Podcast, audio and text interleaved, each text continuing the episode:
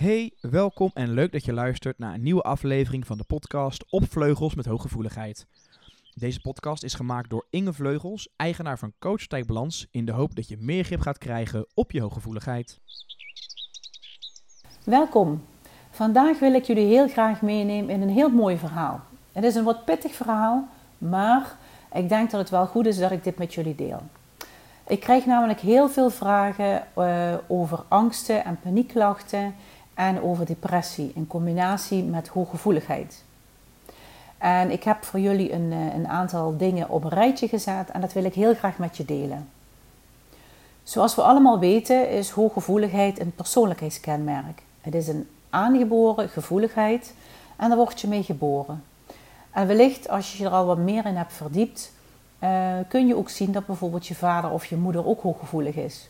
En wellicht een van je kinderen ook. Het is een aangeboren eigenschap, het is geen ziekte en geen stoornis. Als je gediagnosticeerd wordt met een depressie, een depressie is een stemmingsstoornis. En dat is natuurlijk een heel ander verhaal. Op het moment dat je langdurig chronische klachten hebt, depressieve klachten, uh, word je vaak uh, door een huisarts verwezen naar een psycholoog of een psychiater om uitgebreid onderzoek te doen. En na dat onderzoek uh, wordt gekeken welke depressieve klachten je hebt en waar je mee kampt. We weten allemaal dat er een klassificatie is. Wij noemen dat de DSM-5-klassificatie inmiddels. Waarin wereldwijd is vastgesteld welke klachten je moet hebben om bijvoorbeeld tot een depressie te komen. Of tot een andere stoornis. En op het moment dat je wordt gediagnosticeerd met een stemmingstoornis, een depressie dus, um, ja, wordt er een behandeltraject voor je samengesteld. En dan hoop ik altijd dat je bij een goede psycholoog of therapeut terecht kan, die je goed kan helpen. En soms is het nodig om ook medicatie te slikken, antidepressiva. En ook dit wordt altijd onder begeleiding van de psychiater of de huisarts gedaan.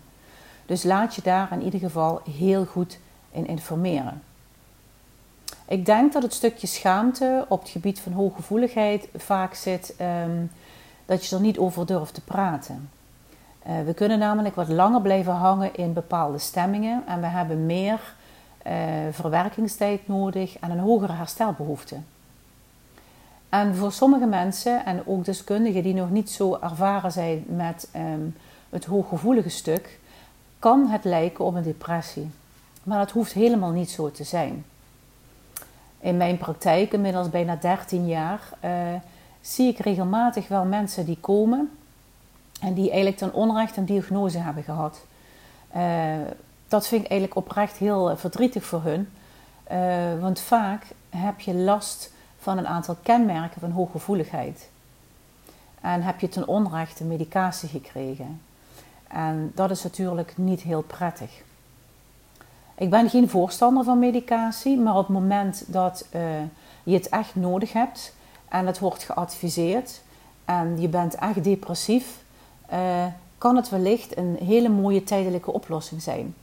Om te zorgen dat je weer in balans komt, dat je weer tot rust komt en dat je het leven weer wat beter aan kan. En dan is het echt een hele mooie toevoeging in combinatie met therapie in mijn beleving. En heel vaak hoef je maar kortdurend de medicatie te gebruiken. Er zijn echter ook uitzonderingen.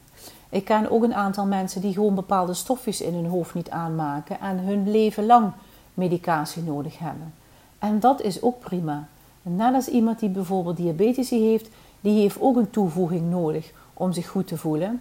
En zo kan het bij iemand die bijvoorbeeld erfelijk belast is met depressieve klachten ook het geval zijn.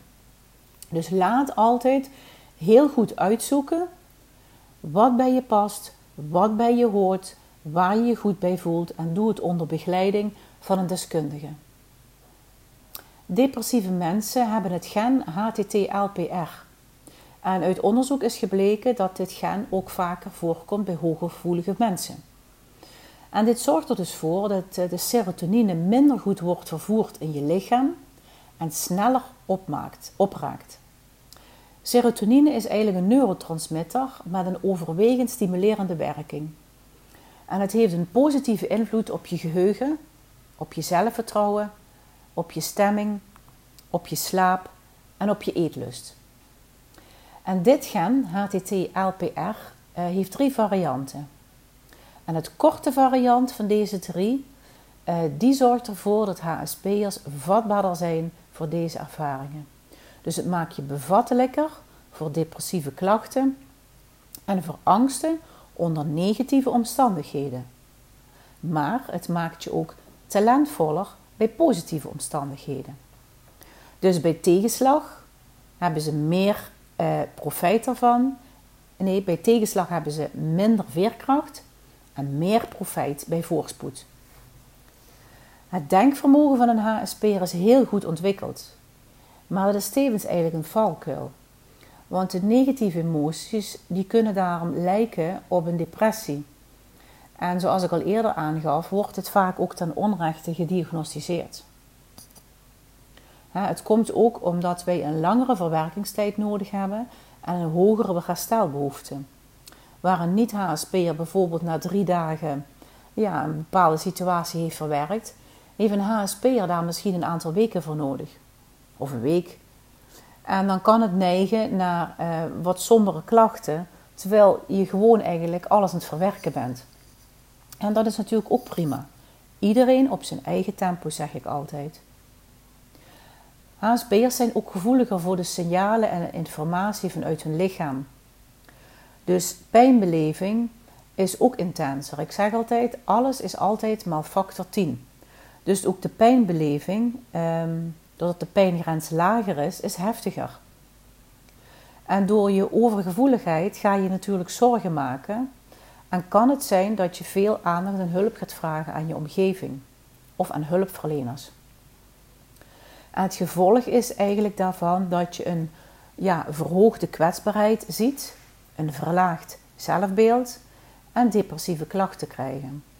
En je kunt je bijvoorbeeld voorstellen dat als je heel vaak fysieke klachten hebt, dat je naar allerlei uh, therapieën, uh, fysiotherapieën loopt of andere mensen die je kunnen helpen. En dat is natuurlijk heel waardevol, maar nog belangrijker is het om te kijken naar de oorzaken. Wat zorgt ervoor dat je altijd spierspanning hebt? Wat zorgt ervoor dat je altijd hoofdpijn hebt?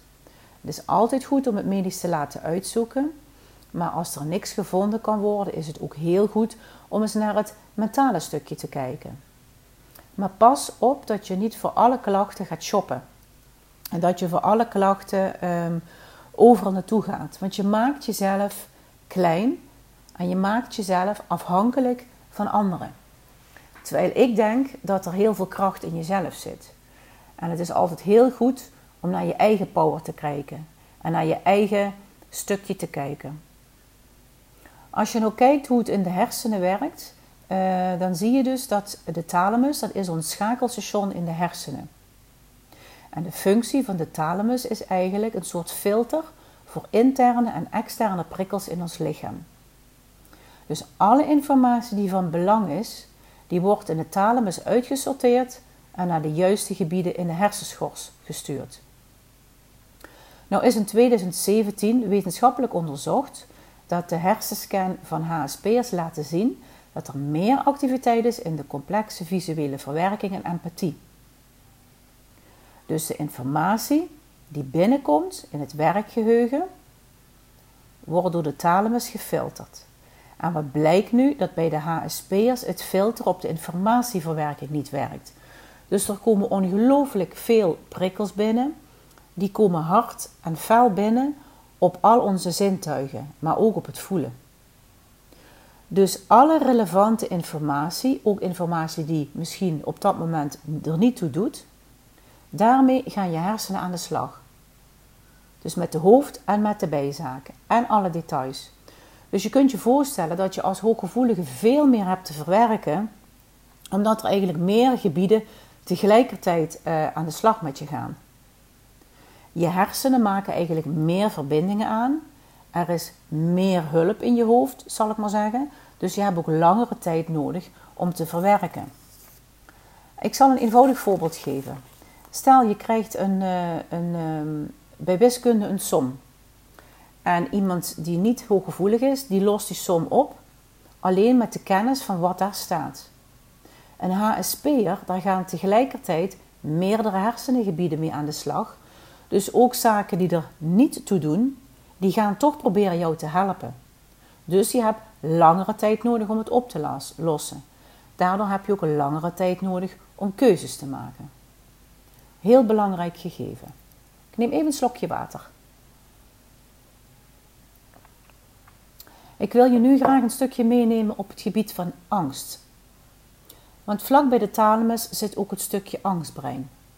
En zoals we weten, uh, kost het gewoon energie als je hooggevoelig bent. Doordat je veel weggeeft, ben je bevattelijker voor uh, stressklachten, voor spanning, uh, voor overspannenheid en als dat maar lang genoeg duurt en chronisch wordt om burn-out te raken. Je bent vatbaarder voor klachten omdat je het vaker lastig vindt om je grenzen goed te stellen.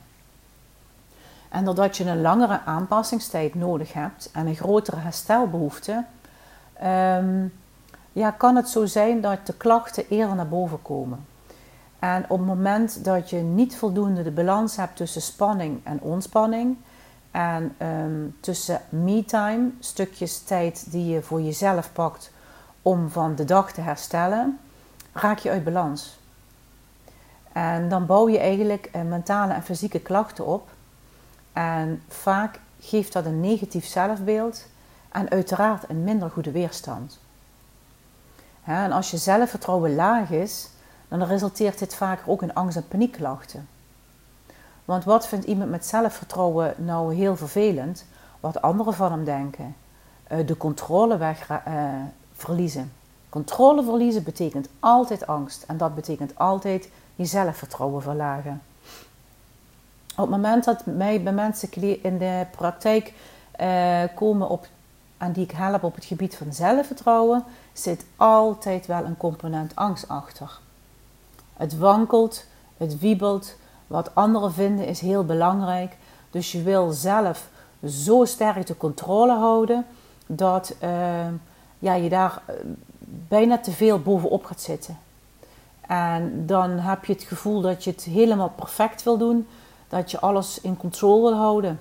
En dat gaat dus net niet. En angst en hooggevoeligheid heeft vaak te maken dat je sneller overprikkeld raakt. En angst, weten we, is een onbewuste slechte raadgever. En angst zet ook aan tot impulsieve beslissingen of het vermijden van angst. En angst kan je overspoelen. En daar ga je natuurlijk mentaal en fysiek op reageren. En alles wat je aandacht geeft, groeit. Dus ook angst. Zo had ik laatst een jonge dame in de praktijk die een promotie kon maken, maar dat eigenlijk niet durfde. En toen hebben we gekeken wat gebeurt er nou in je hoofd, in je lijf en in je hart op het moment dat je daaraan denkt? En aldoende in het gesprek kwamen we er eigenlijk achter dat ze bang was om te falen. En dat stukje hebben we eigenlijk samen aangepakt. En na een aantal sessies uh, kwam ze weer bij mij voor een gesprek en gaf ze aan dat ze nu heel prettig zich voelde in de nieuwe functie. En dat ze blij was dat ze de angst eh, had kunnen loslaten, had kunnen omzetten in kracht. En dat die functie eigenlijk heel goed bij haar paste.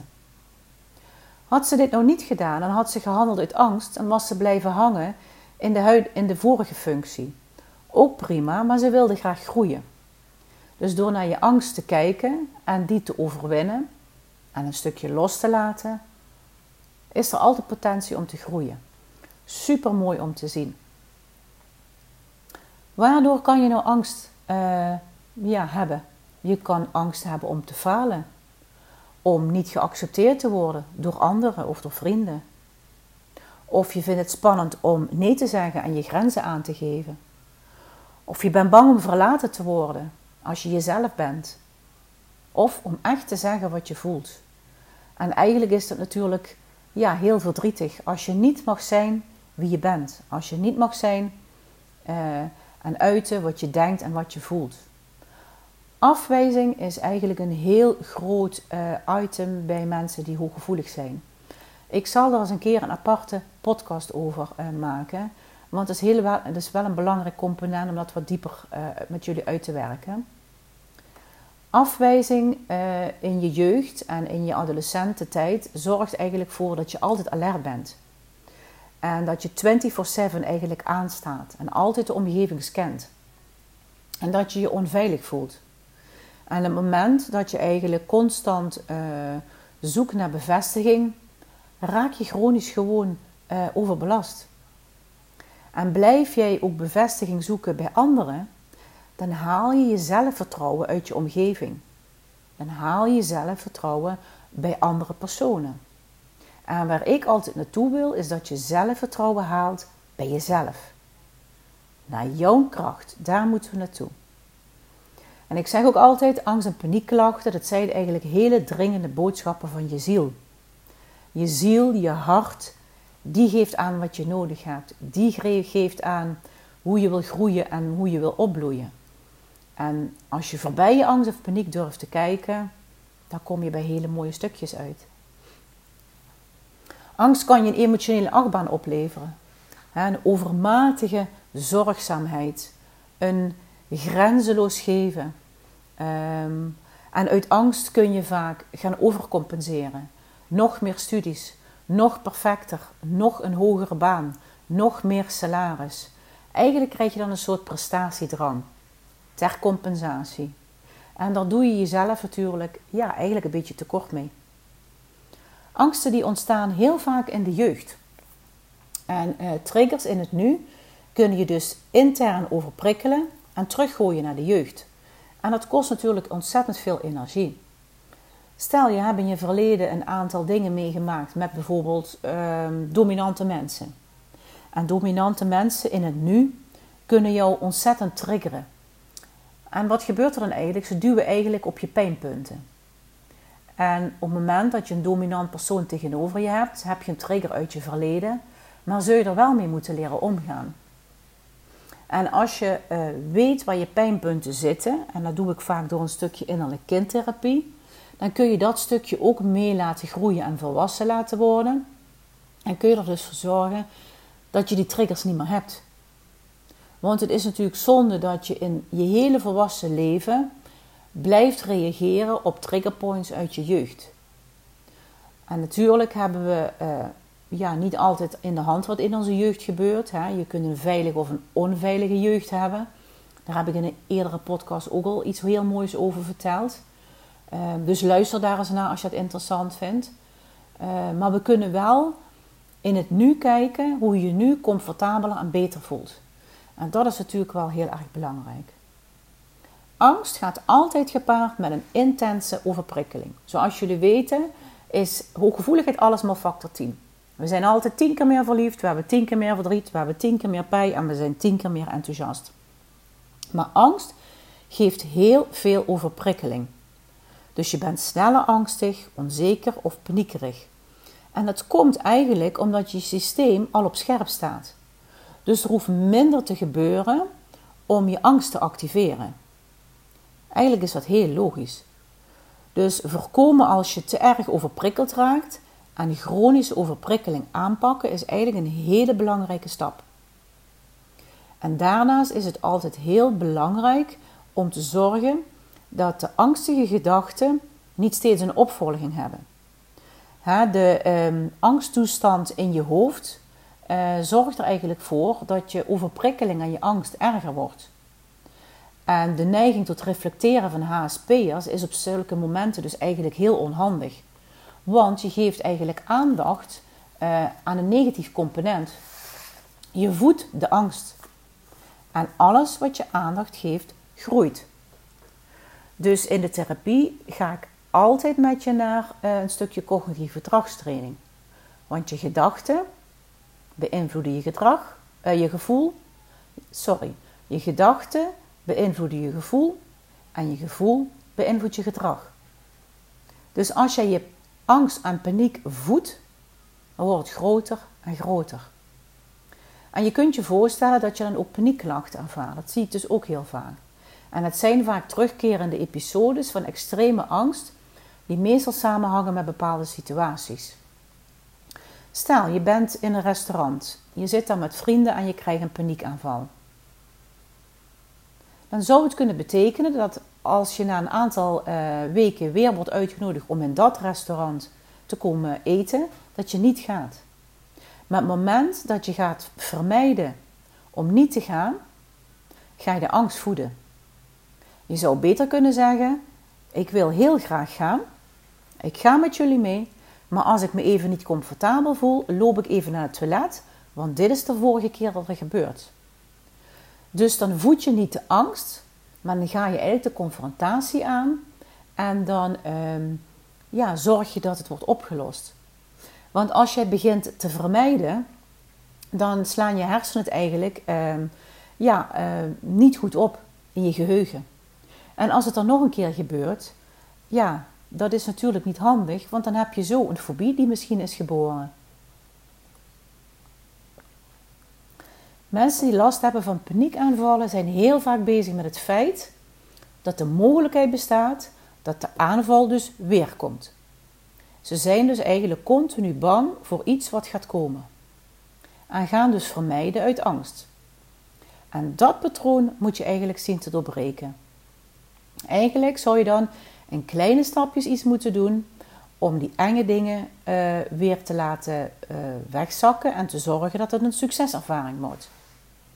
Hè, dus de aangeleerde angstreflex moeten we eigenlijk weer zien te vervagen. Zo kan ik me herinneren dat ik jaren geleden eens met een dame die was bang om te winkelen. En ik ben toen heel vaak met haar uh, naar de stad gegaan. Want ze vond het ook bijvoorbeeld spannend om door een winkelstraat te lopen. Want wat zouden de mensen dan wel niet van haar denken? En daarom ging ze dus nooit meer naar de stad toe. Ongelooflijk jammer natuurlijk, want ja, als vrouw is natuurlijk niks leuker om dan toch even te shoppen. En we zijn dat samen gaan oefenen. En na een aantal keren zei ze: Inge, ik ben gisteren de stad in geweest en ik had geen last van paniek of angst.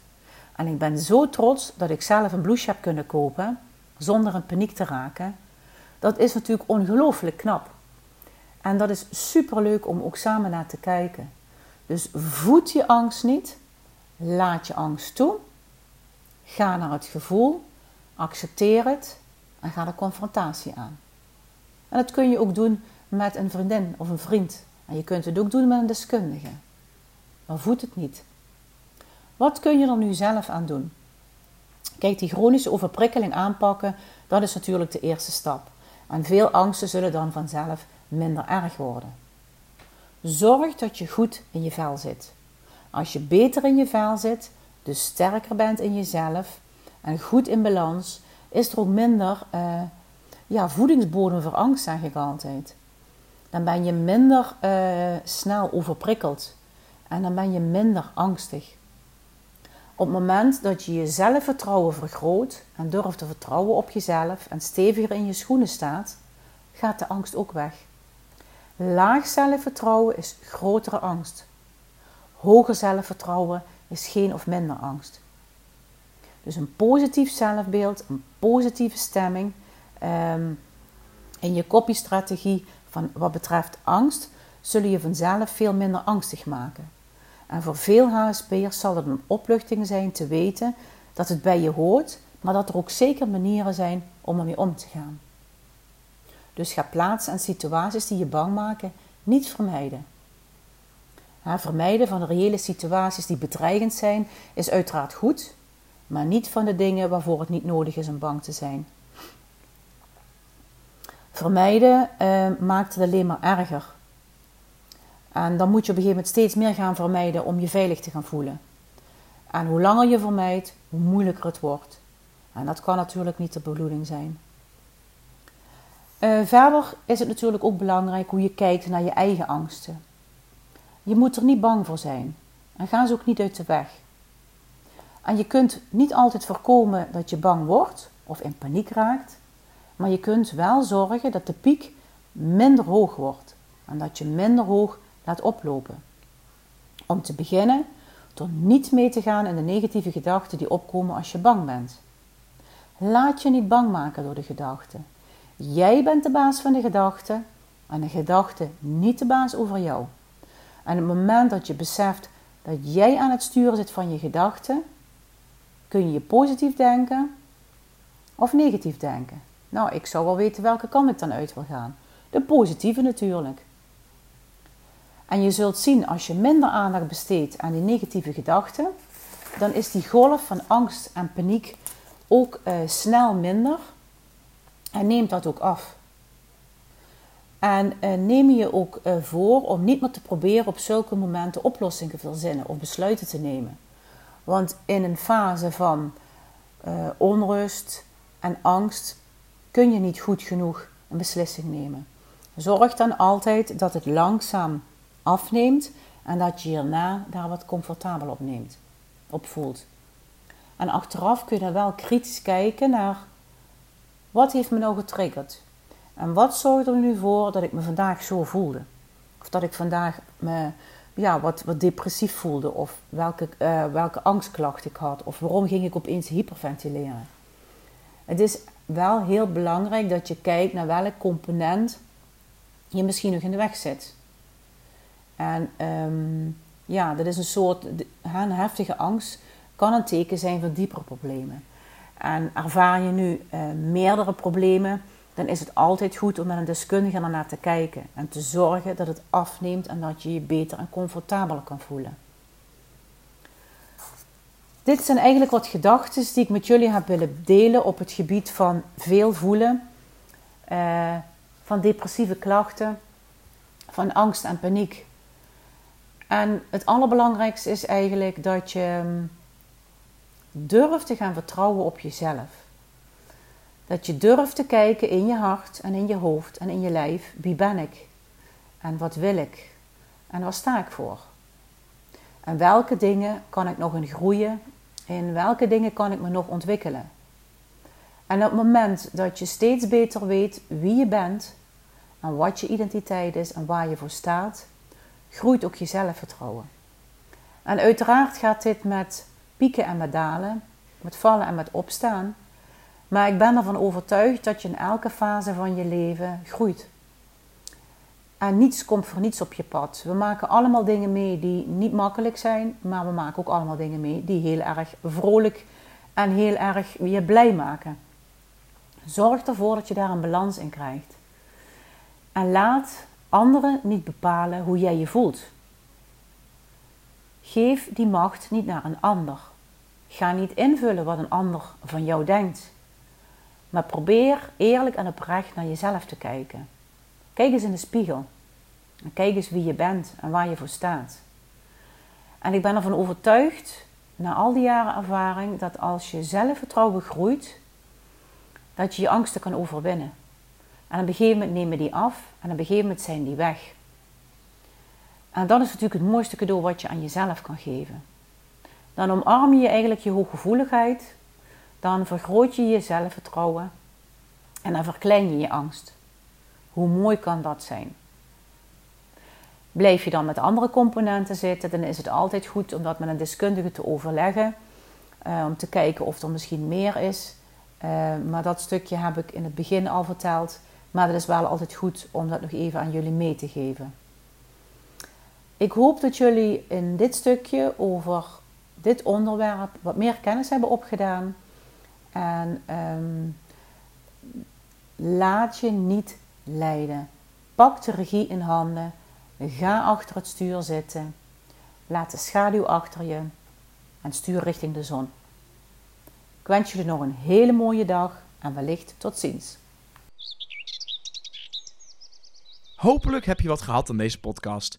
Wil je nou altijd op de hoogte blijven? Vergeet dan niet deze podcast te volgen en te liken. En voor meer informatie kun je terecht op coachpartijbalans.nl.